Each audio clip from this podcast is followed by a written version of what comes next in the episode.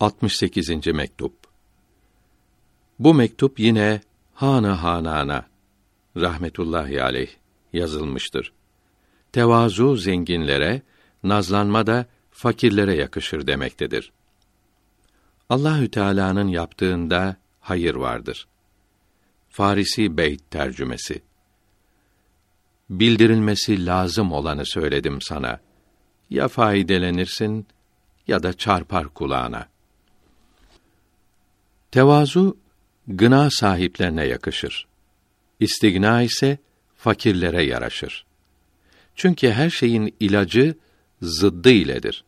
Üç mektubunuzdan da yalnız istigna, nazlılık anlaşılmaktadır. Tevazu yani alçak gönüllülük yapmak istediğinizi biliyoruz. Fakat mesela son mektubunuzda Allahü Teala'ya hamd ettikten ve Resulüne salattan sonra malum olsun ki diyorsunuz. Bu sözü nereye ve kime karşı yazdığınızı iyi anlamalısınız. Evet, fakirlere çok hizmet ettiniz. Fakat hizmetin edeplerini gözetmek de lazımdır. Ancak faidesine böyle kavuşulabilir. Böyle olmazsa boşuna uğraşılmış olur.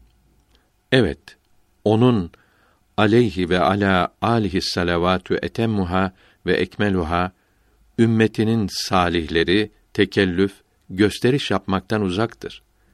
Fakat tekebbür edenlere karşı tekebbür yapmak sadaka vermek gibi sevaptır. Bir kimse Hace Nakşibend kaddesallahu teala sırre hazretleri için kibirlidir dedi. Bunu işitince benim kibirliliğim onun Celle Celalü büyüklüğündendir buyurdu. Bu yolun yolcularını aşağı ve gerice sanmamalıdır. Hadis-i şerifte saçı sakalı karışmış çok kimseler vardır ki hangi kapıya gitseler kovulurlar. Allah'a yemin etseler istedikleri şeyi ihsan eder buyurdu. Farisi Beyt tercümesi. Az söyledim. Dikkat ettim kalbini kırmamaya. Bilirim üzülürsün. Yoksa sözüm çoktur sana.